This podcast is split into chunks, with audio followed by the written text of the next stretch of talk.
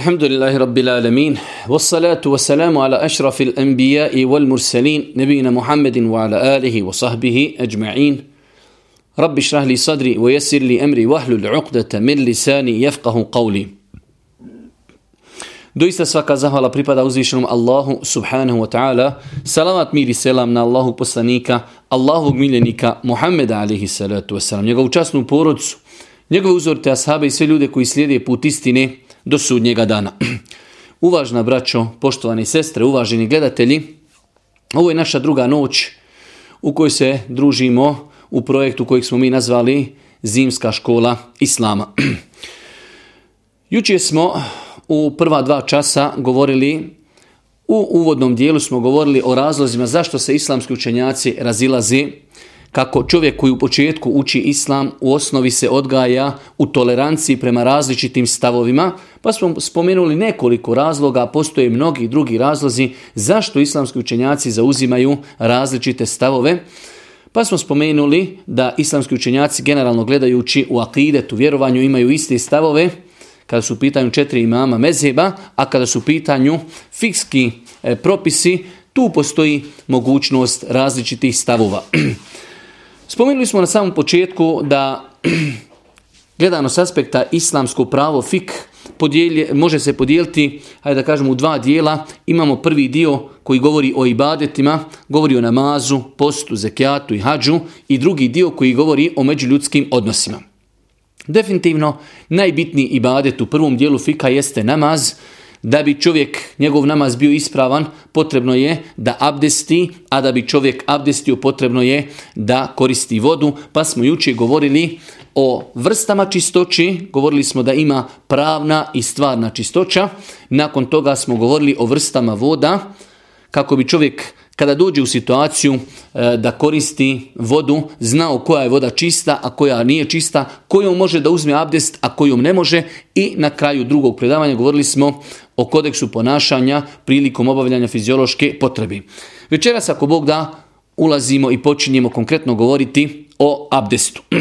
Na samom početku treba spomenuti e, za braću i sestre koji nisu jučer prisustvovali, ova zimska škola islama trajeće inša Allah minimalno dva mjeseca. Obrađujemo u ovoj zimskoj školi islama tri predmeta, islamsko pravo fik, pokušat ćemo da zaokružimo e, celinu namaza, Obrađivat ćemo e, predmet hadis gdje ćemo komentarisati određene hadise iz odabranih poglavlja kod imama Buharije i muslima i ako Bog da treći predmet jeste akida, vjerovanje gdje ćemo komentarisati značenje la ilaha illallah Muhammedu Rasulullah i komentarisat ćemo e, imanske šarte spomenute u hadisu Džibrila alihi salatu wasalam.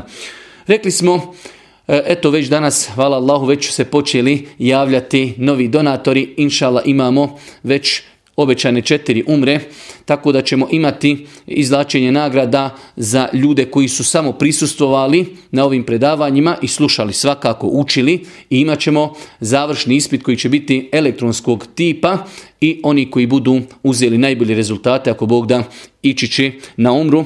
Svakako smatram da je bespotrebno spominjati.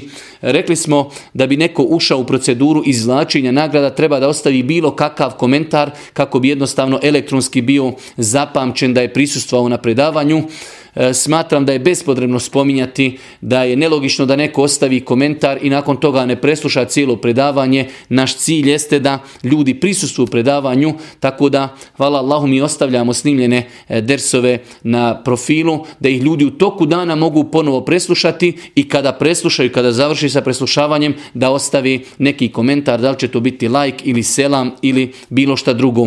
Pa znači, ne bi voljeli da neko se kvalificira u nagrad odlaska na umru, a nije preslušao predavanja. Večeras ako Bog da konkretno počinjemo govoriti o abdestu. Na samom početku islamski učenjaci svaki put kada e, ulazi u neko novo poglavlje spominju definiciju tog ibadeta. Šta je to abdest? Za nekoga ko prvi put se susreće sa terminom abdest, šta je to abdest? Mi kažemo abdest je ibadet Allahu subhanahu wa ta'ala. Prva stvar znači abdest je ibadet uzvišenom Allahu subhanahu wa ta'ala tako što će čovjek koristeći vodu oprati određene organe, a pojasnit ćemo poslije, opraće ih na poseban način kako je pojasnio Allahu poslanik alaih salatu wasalam, odstranjujući od sebe pravnu nečistoću pravnu nečistoću. Jučer smo govorili da imamo stvarnu nečistoću, a to je kada čovjek ima na svojoj odjeći ili svome tijelu ili mjestu gdje će klanjati nešto što je nečisto. Pravna nečistoća je znači nešto što nas prečava da možemo stupiti u namaz. Čovjek može biti stvarno čist, ali je pravno nečist. Ne može da klanja jer nema abdesta. Pa znači mi putem abdesta podižemo od sebe pravnu nečistoću i poči, postajemo pravno čisti da možemo stupiti u namaz. Ponavljamo definiciju abdesta. Definicija abdesta je robovanje Allahu, ibadet Allahu na način što koristimo vodu i perijemo određene organe, onako kako ćemo pojasniti, na određen način, onako kako nam je pojasnio Allahu poslanik, ali se letu sa namjerom i nijetom da od sebe odstranimo pravnu nečistoću mi smo u osnovi e, stvarno čisti, ali nismo pravno čisti, treba da uzmemo abdes kako bi mogli, a, kako bi mogli klanjati namaz. U samom početku islamski učinjaci kada god govori o nekom novom ibadetu spominju dokaze da je taj e, ibadet legitiman, da je propisan u islamu, Allah Đeršanu kaže u suri El Majde 6. ajetu, ja amenu, iza kumtum ila salati felsiru wujuhakum o vjernici, kada tjednijete molitvu da obavljate, vi operite lica svoja, pa je pojašnjeno kako se uzima abdest. Pa vidimo u ovom kuranskom ajetu u El Majde, šesti ajet, da uzvišeni Allah naređuje, prije nego se krini na namaz, da se uzme potpuno abdest. Hadisi Allahu poslanika se letu selam o, o abdestu su mnogobrojni. U jednom od tih hadisa koji bilježi Buhari i Muslim kaže Allahu poslanika ali salatu selam La yakbalu Allahu salata ahadikum idha ahdatha hatta yatawadda. Allah neće primiti namaz nekome od vas ko, koji je izgubio abdest, pa nije obnovio abdest, znači njegov, njegov nama se neće primiti, znači jednom riječu kazano, uvjet ispravnosti namaza jeste uzimanje abdesta. Čovjek ne daj Bože da ode i da klanja bez abdesta, ne samo da mu neće biti primljen njegov namaz, već je počinio i veliki grijeh. Znači čovjek kada klanja mora biti čist, pravno čist, a to je da uzme abdest. Islamski učenjaci u tom pogledu imaju imaju konsenzus, znači islamski učenjaci imaju jednoglasan stav da je e, abdest jedan propisani ibadet u islamu i da je abdest uvjet za ispravnost namaza. Najveća odlika abdesta jeste da je abdest uvjet za ispravnost najvećeg ibadeta u islamu. Abdest je uvjet za ispravnost najvećeg ibadeta u islamu. Najveći ibadet u islamu je namaz. Da bi taj namaz bio validan, potrebno je da uzmemo abdest, zato su islamski učenjaci uvijek prije, abde, eh, prije namaza govorili o abdestu.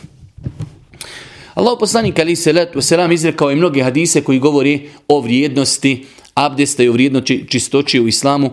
Jučer smo citirali hadis da Allah poslanik kaže Eš, e, e, et tuhuru šetrul imani čistoća, znači i abdest i gusul, pola je pola je imana. U drugom hadisu Allah poslanik, u onom dužim hadisu koji bilježima muslim, kaže Allah poslanik kada čovjek operi na početku abdesta svoje lice, sa zadnjom kapi vode padaju grijesi i posljednji grijeh, znači sa njegovog lica koje je čovjek počinio svojim očima. Pa kada čovjek opere svoje ruke sa posljednjom kapi vode, padaju grijesi koje on počinio rukama i kada e, pere noge sa njegovih nogu sa posljednjom kapi vode padaju grijesi koje je čovjek počinio e, prije toga. Pa je znači abdest polovina imana, s druge strane abdest je prilika da se čovjek riješi određenih malih grijeha koje je počinio. Isto tako Allah poslani kaže u vjerodostojnom hadisu, hoćete li da vas uputim na ono što će vam pobrisati grijehe i povećati deređe kod uzvišenog Allaha, pa je prvu stvar spomenuo isbagul vudu, potpuno uzimanje abdesta je razlogom da Allah Đelšanu insanu oprosti grijehe i da mu poveća deređu i stepen kod uzvišenog Allaha subhanahu wa ta'ala. Svaki ibadet da bi bio validan i primljen treba da se u tom ibadetu ispune uvjeti. Islamski učenjaci kada govore o validnosti abdesta kažu da bi abdest čovjeka bio ispravan treba da se ispuni šest uvjeta. Ovo je veoma bitno da se zapiše, da se zapamti. Znači da bi čovjeku abdest bio validan, treba da se ispuni sljedeće stvari. Prva stvar jeste da je čovjek musliman. Prva stvar, znači, hoćemo da abdestimo, abdestiti može čovjek musliman nemusliman bez obzira koliko da uradi dobrih dijela, neće mu biti primljena kod uzvišnog Allaha jer nema tu početnu jedinicu koja se zove la ilaha illallah. Vi možete imati koliko hoćete nula u životu, ali ako ispred tih nula nemate jedinicu, ništa niste postigli. Ali kada imate tu jedinicu koja se zove la ilaha illallah, Muhammedur Rasulullah, dodavanje nula povećava se broj. Pa prvi uvjet za ispravnost abdesta jeste da abdesti osoba koja je musliman. Druga stvar da bude razumna. Kada bi nerazumna osoba, čovjek znači e, koji jednostavno izgubio pamet u ludilu, čovjek dođe i potpuno abdesti kao što i drugi ljudi abdesti, njegov abdest nije ispravan. Zašto? Jer on nema namjeru. Abdest je ibadet, i moramo, znači prilikom ibadeta, imati srčanu namjeru, želimo da otklonimo od sebe pravnu nečistoću, kako bi mogli klanjati namaz. I želimo da uradimo i badet. Rekli smo na početku da je abdest i badet. Pa je prvi uvjet islam, drugi je razum, treći je Arapski učenjaci kada kažu taj termin kažu temiz. Da čovjek znači može rezonovati stvari. Ne mora biti čovjek punoljetan ili žena ili čovjek pa da je njegov abdest znači validan. Čak i dijete kada abdesti inšala njegov abdest je ispravan. Ali dijete koji razumije, koji zna šta je abdest, koji zna šta je nijet, koji zna šta je ibadet Allahu Đelešanu. Kada bi malo dijete, možda od godinu i po, dvije, naučilo, vidi babo i abdesti i ono abdesti, ali ne zna šta je abdest, ne zna u srcu da ima namjeru da je to ibadet, ne zna da time želi klanjati namaz, već jednostavno naučilo od babi, znači njegov abdest još nije validan. Pa znači da bi Abdes bio validan, treba da bude rezonovanje šta se tim ibadetom postiži. Broj četiri, uvjet jeste nijet, namjera. Čovjek moglo bi se desiti, ali ovo ne smijemo na ovaj način otvarati vrata šeitanu. Može se desiti da čovjek odi u toalet i onako automatski operi sve što se peri pri abdestu ali jednostavno on nije imao namjeru da želi abdestiti. Pa nam je bitno na početku abdesta da čovjek kada ide u toalet, da sam sebi u srcu kaže idem da abdestim kako bi mogla oklanjati namaz. Drugim riječima kazano, idem da postignem pravnu čistoću kako bi mogao oklanjati namaz, jer je uvjet za ispravnost namaza, taharet, čistoća, abdest. Pa je znači, pošto je abdest ibadet, da bi ibadet bio primljen kod Allaha, moramo imati nijet u srcu. Jučer smo govorili, kada je u pitanju stvarna nečistoća, ne treba nam nijet. Ako imamo na hlačama neku nečistoću, možemo te hlače ako ih ostavimo negdje, hajde da kažemo, na ogradu i pada vremenom kiša i ta nečistoća se očisti, to je čisto nema potrebi za namjerom da bi se očistila stvarna nečistoća. Dok pravna nečistoća, da bi postali čisti, da možemo klanjati, moramo imati nijet u srcu, kaže Allah poslanik, innemel a'malu bin doista se djela vrednuju po namjerama. Pa smo rekli, čovjek može se desiti odje u toalet i abdesti onako po automatizmu. Pa čovjek prije nijeta treba da namjerava, želim da postanem čist, pravno čist, šerijatski čist, kako bi mogao klanjati namaz. Peti uvjet jeste da koristimo čistu vodu. Jučer smo govorili o vrstama vode, pa smo rekli da imamo čistu vodu i nečistu vodu. Kada čovjek abdesti, da bi njegov e, abdest bio čist, E, da bi njegov abdest bio ispravan, mora prilikom abdesta koristiti čistu vodu. I zadnji uvjet jeste za ispravnost abdesta da uklonimo sa tijela koji se peri prilikom abdesta sve što spriječava dolazak vode do koži. Znači mi kada, mi kada abdestimo, perijemo ruke, perimo lice, perimo noge i potirimo glavu. Na tim dijelovima tijela ne smijemo imati ništa zalijepljeno što će spriječiti dolazak vode do tijela. Osim u datom momentu kada je čovjek bolestan, kada ima, o tome ću inšala govoriti da li noćas ili sutra, kada ima čovjek langetu ili gips, ali govorimo o normalnim uvjetima, primjer radi, žena ako ima nalakirane nokte, njen abdest nije ispravan. Prije uzimanja abdesta obaveza je da ukloni lak sa nokata kako bi njen abdest bio ispravan, da može voda doći do svih dijelova tijela na bilo kojem drugom dijelu tijela koji se peri prilikom abdesta, ako bi imali neku naljepnicu ili ako bi imali farbu ili ako bi imali nešto što sprječava dolazak vode do tijela, moramo to uklonuti kako bi voda mogla doći do svih dijelova koje mi perimo prilikom abdesta. Ovi, ovo je šest uvjeta da bi nečiji abdest bio ispravan, mora čovjek da bude musliman, treba da bude razuman, suprotno od nerazumne osobe, mora da razumije stvari, mora znači čovjek da ima namjeru, da želi da uradi ibadet kako bi mogao klanjati namaz.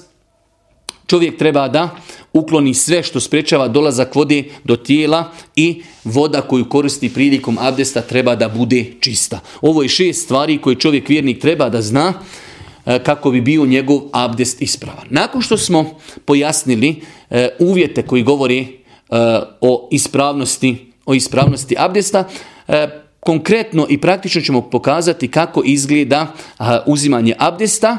Nakon toga ćemo pojasniti šta su obavezne stvari u abdestu, bez čega abdest ne može nikako i šta su pohvalne stvari u abdestu.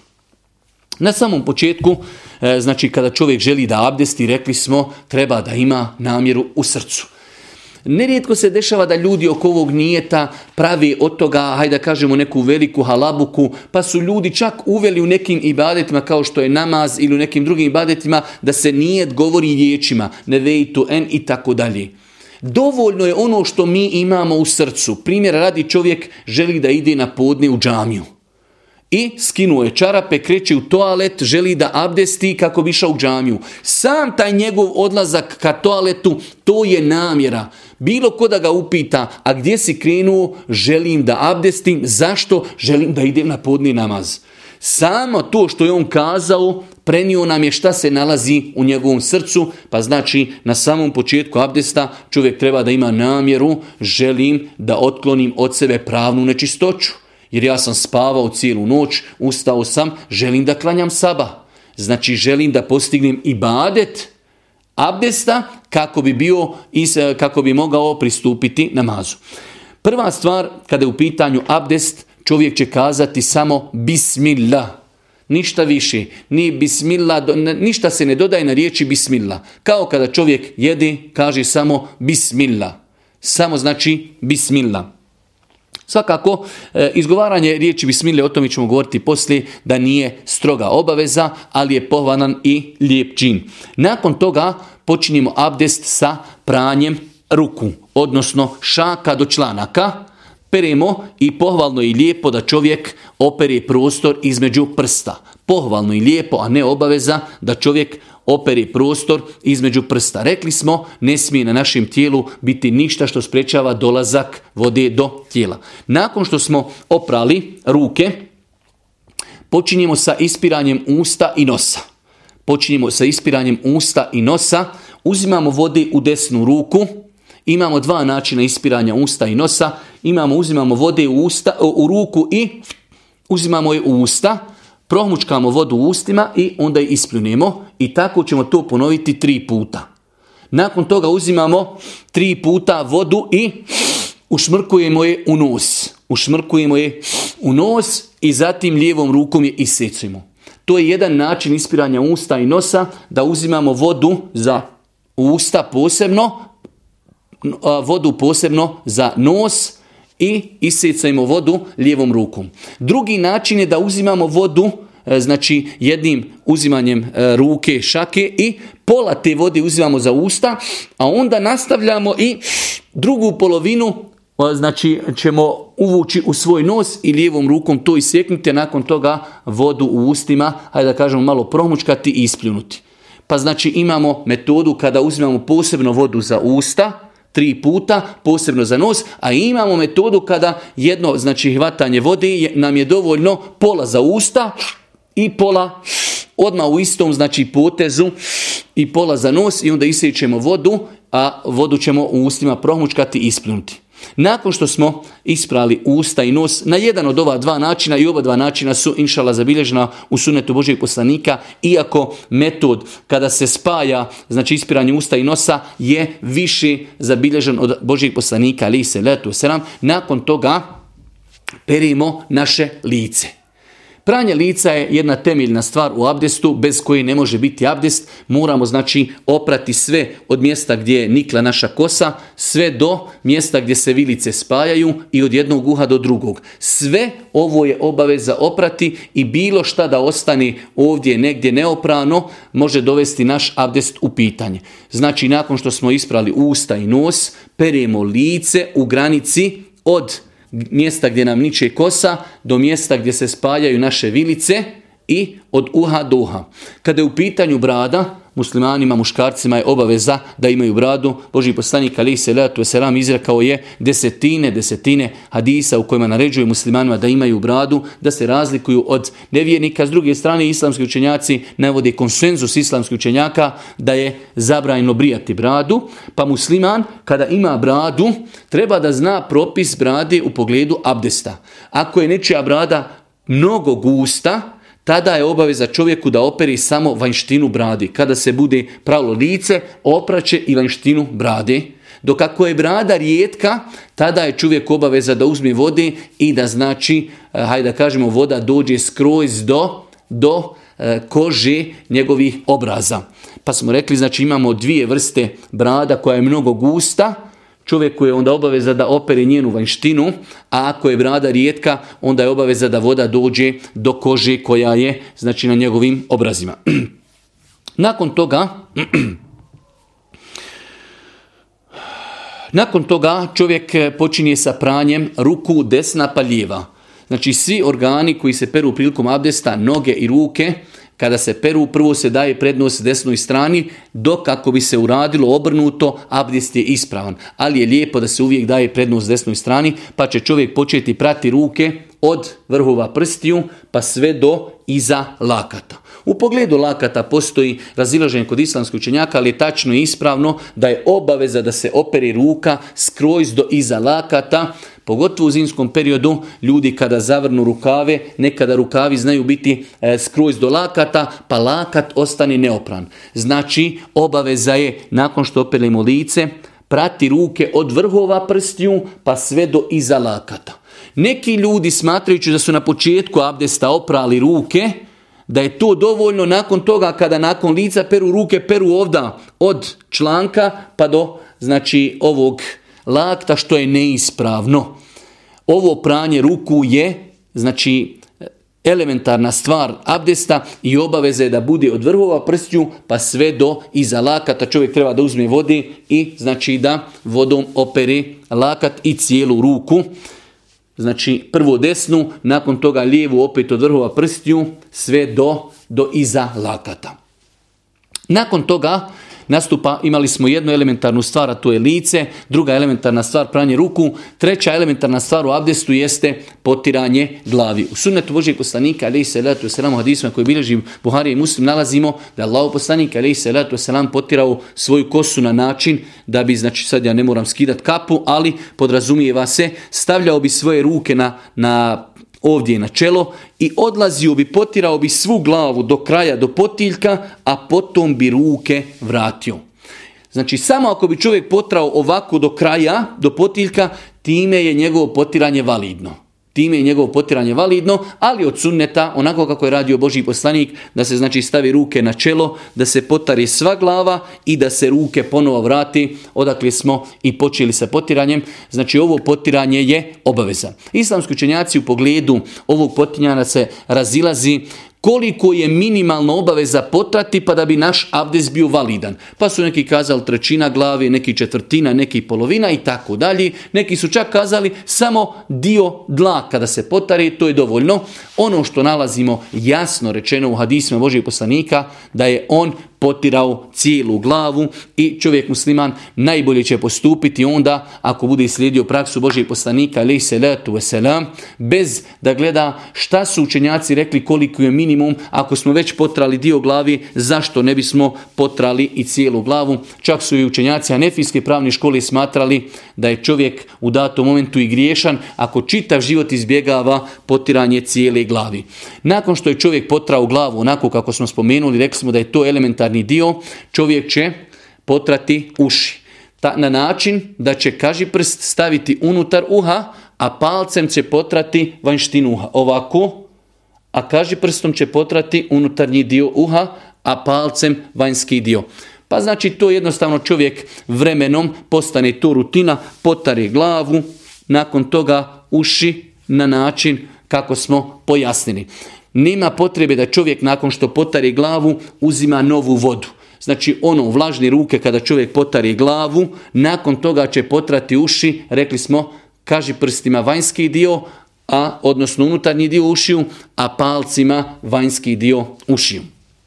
Nakon toga čovjek će, e, kada je u pitanju potiranje glavi, e, o tome ćemo govoriti poslije, ali glava se potiri samo jedan puta dok svi ostali dijelovi tijela se mogu prati jednom, dva put ili tri puta, dok potiranje glavi treba da bude samo jednom. I nakon toga dolazi nam četvrta elementarna stvar u abdestu, a to je e, da čovjek opere noge, odnosno stopala, da opare, opere od vrhova prstiju, da opere između prstiju i da opere sve do iznad članaka obaveza je da se, kao što smo rekli za laktove, da je obaveza oprati lakat, isto tako obaveza je da se voda, znači da se vodom operu i članci da se vodom operu i članci od vrhova prstju paziti na pete, jer Allah poslanik letu salatu i i vjerodostojnom hadisu je kazao koji bilježi je muslim, lil aqabi nar, teško se petama od dva, tri, onim petama koji ne budu oprane prilikom abdesta. Pa čovjek kada abdesti i peri noge treba da pazi da operi e, dio između prstiju, treba da operi sve od vrhova prstiju do iznad članaka i treba da operi pete. Znači sve to treba obuhvatiti u pranju nogu i vidjet ćemo poslije da se može prati znači jednom, dva put ili tri puta. nakon toga nakon toga e, treba spomenuti dvije veoma bitne stvari, a to je ovaj redoslijed kojeg smo spomenuli, tako abdest treba da bude poredan. Kada bi čovjek uzeo pa prvo oprao noge, pa ruke, pa glavu i tako dalje i nakon toga se umiju, to je neispravno. Znači, islamski učenjaci smatraju i spomnju, iako postoji u pogledu ovog pitanja razilaženje, ali inšala bizna tačno da ovako kako smo spomenuli ovaj redoslijed, da se prvo peru ruke, nakon toga peru usta, nos, pere se lice, nakon toga peru se ruke, nakon toga potire se po glavi, nakon toga potriše po ušima i nakon toga se peru noge. Ovaj redoslijed znači je obavezan ako bi čovjek promijenio redoslijed da operi noge, pa nakon toga ruke, pa nakon toga lice, nakon toga glavu, njegov abdest ne bi bio ispravan. I zadnja stvar jeste da čovjek ne treba praviti velike pauze toliko da bi mu se jedan dio koji je oprao već osušio. Znači ako bi čovjek eventualno počeo da abdesti pa ga možda neko nazove i on se samo kratko javio i kaže sačekaj, začu te poslije, nije to sporno. Ali da napravi pauzu, primjer radi čovjek je počeo da abdesti, umio je se i nešto imao potrebu, možda da se javi na telefon i otišao je i razgovarao nekoliko minuta, toliko da mu se lice osušilo.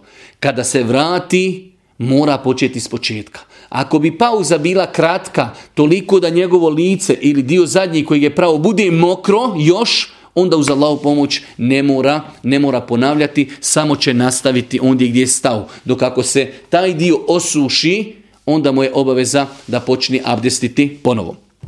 Znači ovo je nešto e, rezimirano kako bi čovjek musliman trebao da uzmi abdest. Rekli smo kada je u pitanju e, uzimanje abdesta, svaki dio tijela obaveza je minimalno jednom oprati na način da ga obuhvatimo potpuno vodom. Svaki dio, znači kada perimo lice, da ga minimalno jednom potpuno operimo, da jednom ruke minimalno dobro operimo, da e, potarimo glavu i da noge potpuno operimo. Može se, znači jednom potpuno, dva put ili tri puta, maksimalno se može prati tri puta, osim glavi, rekli smo, glava se u svakom slučaju bilo prali svaki organ jednom ili dva put ili tri put, glava se potire samo jedan put. Može se praviti i, ajde da kažemo, kombinirano pranje organa, pa na primjer čovjek može ruku oprati jednom, lice dva puta, nogu tri puta i tako dalje. Ali imamo u hadisima Božijeg poslanika jasno zabilježeno da je nekad abdestio svaki dio organa bi pravo po jednom, nekada sve po dva put, nekada sve po tri put, a nekada i kombinirano, a mislimo na sve druge organe osim glavi, glava se uvijek potire jedan put, ako bi čovjek potrao i više puta, dva puta ili tri puta, inšala nije pogriješio. Ovo je bilo rezimirano način kako bi čovjek trebao da uzme abdest. Nakon toga, e, Veoma je bitno u datom momentu da čovjek kada ima malo vodi ili kada žuri ili postoje mnoge situacije u kojima je bitno da čovjek zna šta smije izostaviti iz abdesta, šta ne smije. Pa je veoma bitno da zna šta su temeljne stvari elementarni u abdestu, a šta su pohvalni. Elementarne stvari su znači e, one stvari koje su spomenute u Kur'anu koji spomenu spomenuo uzvišnji Allah subhanahu u suri El Maide 6. ajet. Prva stvar, znači elementarna stvar, jeste pranje lica. Kad se kaže pranje lica, podređen bilu učenjaka i samo ispiranje usta i nosa je obaveza, dok velik broj učenjaka je smatrao da ispiranje usta i nosa nije obaveza. Ali, generalno, svi hadisi u kojima je Allah poslanik pojašnjavao kako se uzima abdest, govori da je poslanik uvijek pravo i usta i nos. I nikada to nije izbjegavao, tako da čovjek vjernik ne bi trebao da izbjegava pranje usta i nosa. Prva znači elementarna stvar u abdestu jeste pranje lica sa ispiranjem usta i nosa. Druga elementarna stvar jeste pranje E, ruku do iza lakata od početka vrhova prstiju. Treća elementarna stvar jeste potiranje po glavi i četvrta elementarna stvar jeste pranje nogu do iza članaka. Dobro, na izgled izgleda da sve što smo spomenuli je bitno. Imaju neke stvari koje su sunneti, lijepe stvari pri abdestu koji se mogu izostaviti ako čovjek zatim ima potrebu.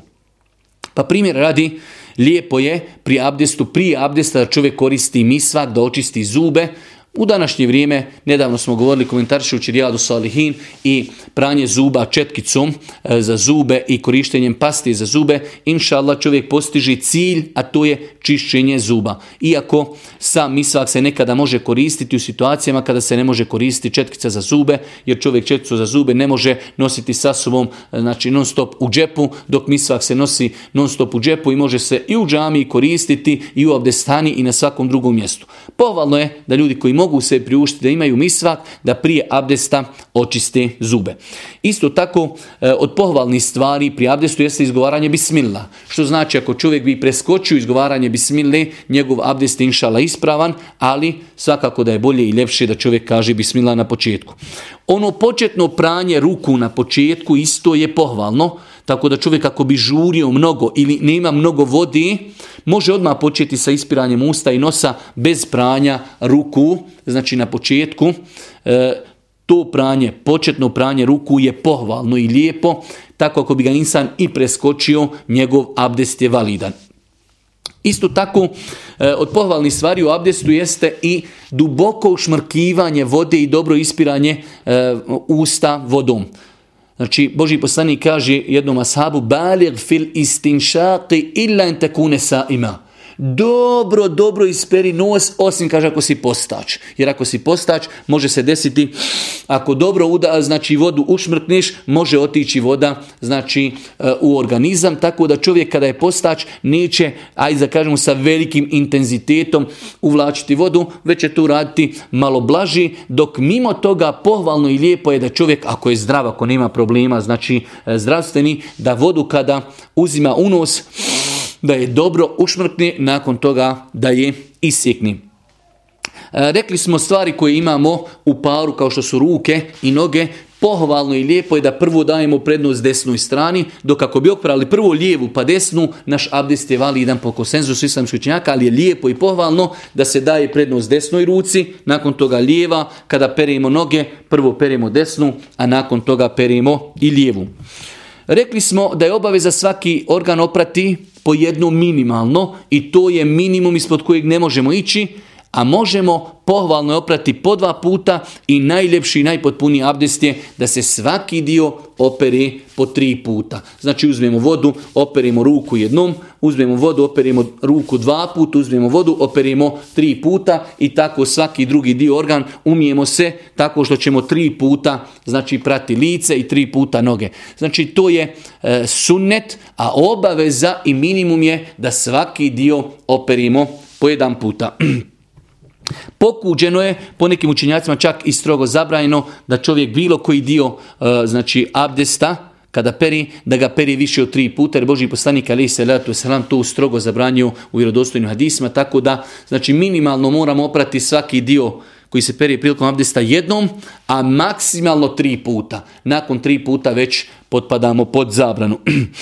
Povalno i lijepo je da čovjek e, kada opere lice, rekli smo da ako mu je gusta brada opraće vanjštinu bradi, ako je rijetka brada da znači e, prste provuče kroz bradu, ako je gusta brada pohvalno i lijepo da čovjek uzme vode i da je ubaci ispod bradi i da svoje prste provuče kroz bradu kako bi voda došla čak i znači ispod vilica na ovaj dio, e, ali to nije obaveza, ali je lijepo da se i to uradi. Isto tako pohvalno je da čovjek i ručne prste i nožne prste razmakne i da ih lijepo ono što između njih opere.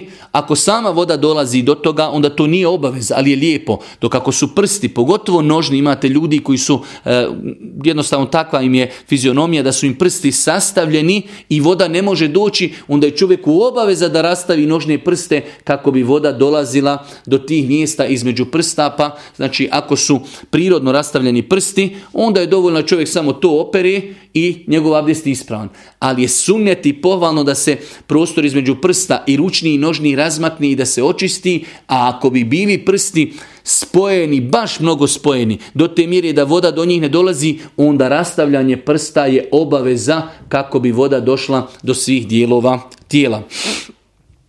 Isto tako, e, pohvalno je čovjek abdesti i da se kupa sa što manjim manjom količinom vode. Pohvalno je znači da čovjek da se kupa i da abdesti sa što manjom količinom vodi, preneseno je vjerodostojno na disma da je Boži poslanik abdestio sa čašom vodi. Znači ono vode što može stati u jedan pregršt. Ovo Arapi kažu mud. Ovo kada istresemo, dobijemo jednu čašu, znači vodi. sa toliko vode Allahov poslanik je abdestio, a sa četiri pregršta do pet pregršta, znači tu, tu je mjera koja se zove u arapskom sa' Allahov poslanik se kupao, a imao je malo dužu kosu Božiji poslanik, ali se letu selam, Božiji poslanik se kupao sa pet pregršta, a abdestio je sa jednim pregrštom vodi. Svakako Nekada to nekom izgleda neizvodljivo, ali ako čovjek uzme onu malu flašicu vode i probode je lagano sa nekom iglicom i odvrne malo gore čep i onda voda lagano teče i on znači abdesti, vidjet će da može sa malom flašicom od 250 ml da abdesti lagano i to da svaki dio lijepo potpuno operi. Pa je pohvalno u islamu generalno, generalno kako u abdestu, tako u gusulu i mimo toga da se voda ne rasipa. Nakon abdesta e, postoji samo znači dova koja se uči na početku i kaže se bismillah i nakon abdesta se kaže ešhedu en la ilaha Allah wa ešhedu enne muhammeden abdullahi wa rasuluh. Na početku kažemo bismillah, na kraju kažemo ešhedu en la ilaha illallah wa ešhedu enne muhammeden abdullahi wa rasuluh. Kaže Allah poslanik u hadijskoj bilježi ima muslim, ko potpuno abdesti, potom na kraju rekni ovu dovu, bit će mu otvorena osmera vrata, neka uđi na koja god hoće u džennet. Znači lahka dova, ešhedu en la ilaha illa Allah, wa ešhedu enne Muhammeden abdullahi wa rasuluh. Ima dodatak u jednoj predaji kod imama muslima, ešhedu en la ilaha illa Allah, wahdehu la šerike le, wa ešhedu enne Muhammeden abduhu wa rasuluh. Znači imamo dodatak Ešhedu en la illa illallah vahdehu la şerike leh ve eşhedü enne Muhammeden abduhu u rasuluh. Imamo dodatak od imama Tirmizije Allahumme mine tawabine, o ve mine minel mutatahirin, Gospodar učin nas od oni koji se čiste i koji se mnogo kaju. Generalno znači ne postoji u islamu druge dove koji se uče u toku abdesta. Ono što kod nas postoji abdesne dove to nema nikakvo utemeljenje u sunetu Božih poslanika i na taj način se može mnogo otežati ljudima, početnicima u vjeri, kada čovjek želi tek da počne prakticirati vjeru i čovjek mu kaže dobro da bi klanjao namaz moraš abdestiti, a da bi abdestio moraš naučiti desetak nekih dova i to sve na arapskom jeziku. To je veliko, veliko opterećenje, a svakako znači ne bi to možda bio problem da je to izrekao Allah poslanik ali se letu selam, već je to uvedena stvar koja može mnogo, mnogo opteretiti insana onim što nema potrebe. Pa znači kada je u pitanju abdest, na početku se samo kaže Bismillah i na kraju se kaže Ešhedu en la ilaha Allah wa ešhedu enne Muhammeden abdullahi wa rasuluh ili kažemo Ešhedu en la ilaha illallah wahdehu la šerike leh wa ešhedu enne Muhammeden abduhu wa rasuluh i ko hoće još da doda Allahumme ja'alna mine tawabine wa ja'alna mine mutatahirin. To je ono što je preneseno od Božijeg poslanika alihi salatu wasalam. E, za kraj e, ovog prvog inšala časa, e, za šta sve nam je obavezno da imamo abdest? Prvenstveno, braću moje draga i sestre, abdest je prvenstveno propisan da bi čovjek mogao stupiti u namaz. I to je znači najveća stvar zbog koje je propisan abdest, a to je da čovjek može klanjati namaz. I mnogo je argumenata, rekli smo da Allah poslanik ali salatu selam kaže La yakbalu Allahu salata ahadikum idha ahdatha hatta yatawadda. Neće Allah primiti namaz nekom je od vas ko nema abdesta sve dok ne abdesti. Pa je znači osnova da je abdest propisan da bi se, da bi se klanjao namaz. E, postoji nekoliko stvari u pogledu koji islamski učenjaci imaju jaka razilaženja da li još za nešto je abdest uvjet ispravnosti. Prva stvar jeste tavaf oko kjabi. Tavaf oko kjabi, određen broj činjaka kaže da čovjek kada tavafi oko kjabi mora imati abdest. Što znači, ako ne bi imao abdest, njegov tavaf ne bi bio ispravan. Tačno je, inšala, bizna da ne postoji jasan argument koji nas obavezuje da imamo tava, u tavafu abdest. Zašto ovo govorimo? Iz razloga što primjera radi da se desi čovjek tavafi oko kjabi i u datu momentu izgubi abdest. Pusti vjetar čovjek i izgubi abdest. Da li mora napustiti tavaf ili ne? Mi možemo, ako reknemo da nije obaveza da čovjek ima abdest, reći ćemo njemu završi tavaf, nakon toga otiđi negdje u haremu učešak, abdesti lagano i klanjaju ona dva rekiata. Allah najbolje zna, ne postoji vjerodostojan i jasan argument koji ukazuje da u tavafu moramo imati abdest. Svakako da je lijepo da imamo, jer je tavaf i padet i poslije tavafa ćemo klanjati dva rekiata. Pa je lijepo da imamo, abdestu tavafu, ali govorimo o tome da li je obaveza, kao što je obaveza u namazu, nama se nikada ne može klanjati bez abdesta. Pa je tačno, inša da e, za tavaf nije obaveza da imamo abdest. Isto tako, e, kada je u pitanju učenja Kur'ana, imamo dvije stvari, e, volio bi inšala da ih pažljivo saslušamo, znam da će se možda neki malo iznenaditi, kada je u pitanju učenja Kur'ana imamo dva pitanja. Imamo pitanje da učimo Kur'an ovako, bez dodirivanja mushafa. Da čovjek sjedi i uči Alhamdulillahi Rabbil Alamin. Može li čovjek učiti Kur'an bez abdesta? Može. I nema nikakve smetnje da uči samo Kur'an bez abdesta. Ako ima abdest, inša Allah, Ali da čovjek sjedi u autobusu, u autu i uči na pamet Kur'an bez abdesta, znači on nije griješan. Ostaje pitanje da li čovjek može dodirnuti mushaf, Zamislimo da je ovo musaf. Da li čovjek može doticati musaf bez abdesta? Četiri pravne škole, četiri mezeba su smatrali da čovjek ne smije dotakjeti musaf bez abdesta i čovjek bi musliman se trebao da, tru, da se maksimalno trudi da tako i bude. Ali ako pogledamo argumente, ako pogledamo argumente učenjaka e, koji su smatrali da je za učenje Kur'ana, odnosno dodirivanje mushafa, obaveza da imamo abdest, vidjet ćemo da postoje učenjaci koji su prigovorili na svi njihove argumente. Tako da sam ja stava da čovjek ako može da ima abdest prilikom učenja Kur'ana i dodirivanja mushafa, bolje je ali to nije obaveza. Tako da čovjek primjer radi možda vozi se negdje u autobusu, vozi se u avionu, nema abdesti, ne može abdestiti, a ima mushaf kod sebe i ne zna mogo Kur'ana na ja bi mu kazao da mu je dopušteno da dodiruje mushaf i da uči Kur'an iz mushafa. Ako čovjek može da ima abdest, svakako da je bolji, jer ipak stav četiri pravne škole je znači velika stvar. Isto tako i time ako Bog da i, i privodimo kraju ovaj prvi čas, a, u pitanju su žene u periodu mjesečnici. Pa smo, ista je stvar, znači u periodu mjesečnici žena može da uči Kur'an bez dodirivanja mushafa.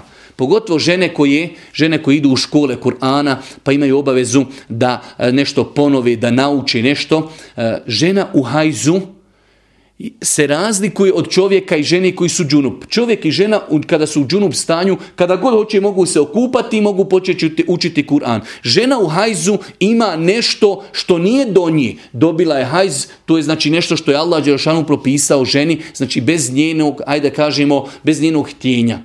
Pa kažu islamski učenjaci, žena kada je u periodu hajza, ona ima sedam dana, znači ne može da uči Kur'an.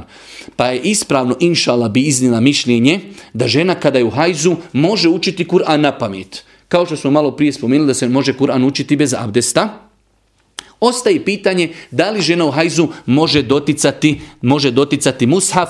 Bolje je, bolje je da žena ne dotiče mushaf. Ako želi već da dodiruje mushaf, onda imamo e, situaciju da naše sestre nosi rukavice, da znači direktno ono ne dodiruje, ne mushaf, osim znači putem nošenja rukavica. To je u pogledu žena koje su mjesečnici. Znači žena koja je u mjesečnici i želi da uči Kur'an, može učiti Kur'an bez dodirivanja mushafa Može učiti negdje sa kompjutera, može učiti negdje sa mobitela, ali ako hoće da dodiruje musaf, onda bi trebala da nosi rukavice, da direktno ne dodiruje musaf u toj situaciji. Isto tako, pohvalno i lijepo je, pohvalno i lijepo je prije spavanja da čovjek uzme abdest, pohvalno i lijepo, pohvalno i lijepo da čovjek prije, rekli smo jedna jedina stvar gdje je obaveza imati abdest, jeste namaz.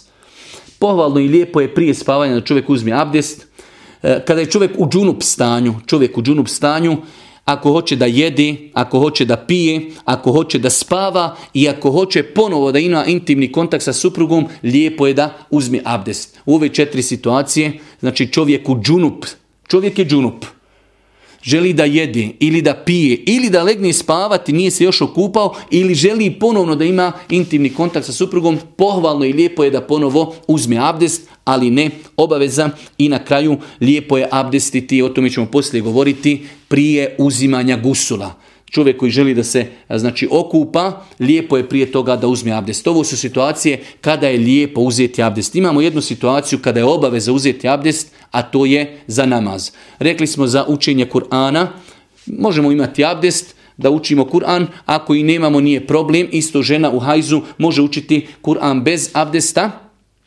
dok ako želimo doticati mushaf, četiri pravne škole su kazale da se ne smije doticati mushaf osim pod abdestom, E, znači znajući ovu tematiku dobro, dobro iščitano, e, smatram da ne postoji jasan argument koji obavezuje da moramo imati abdest kada dodirujemo musaf, ali zbog stava četiri pravne škole bolje je da uvijek imamo abdest, ali ako učimo i bez abdesta i dodirujemo musaf, inša nismo griješni.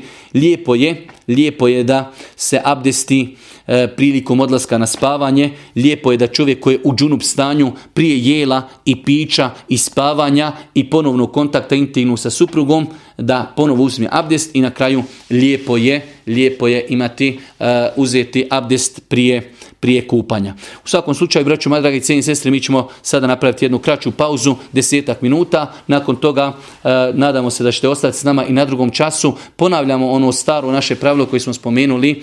E, duboko se nadamo da e, braća i sestre koji želi da uđu u, u onaj proces izvlačenja nagrada za umru, da ostavi neki like ili ostavi neki komentar čisto zbog elektronskog sistema koji nam je potreban da zapamti da je neko bio na predavanju, ali se duboko nadamo da će ljudi, neće to ako Bog da zloupotrebljavati, pa da neće samo stavljati lajkove, a da to nisu ni preslušali. Subhaneke Allahumma bihamdike, šedun la ilaha ilan stakviruke, ve tubu ilik.